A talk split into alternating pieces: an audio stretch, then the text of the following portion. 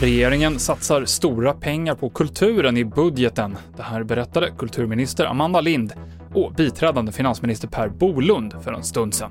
Under lång tid så kommer kulturlivets aktörer att ha mindre intäkter än vanligt samtidigt som produktioner och evenemang kommer att ha högre omkostnader för att kunna genomföras. Hösten innebär att vi går mot mörkare dagar.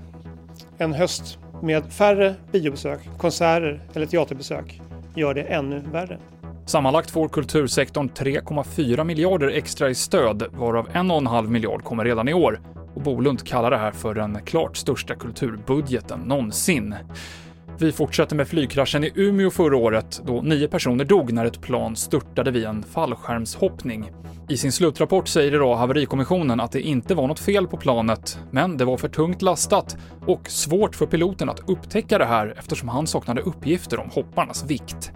Och justitieombudsmannen ska utreda utpekandet av Skandiamannen som Olof Palmes troliga mördare. Det är inte själva utredningen eller förundersökningen som ska granskas, utan just den tv-sända presskonferensen tidigare i år då Skandiamannen blev namngiven och utpekad av åklagaren. TV4-nyheterna med Mikael Klintevall.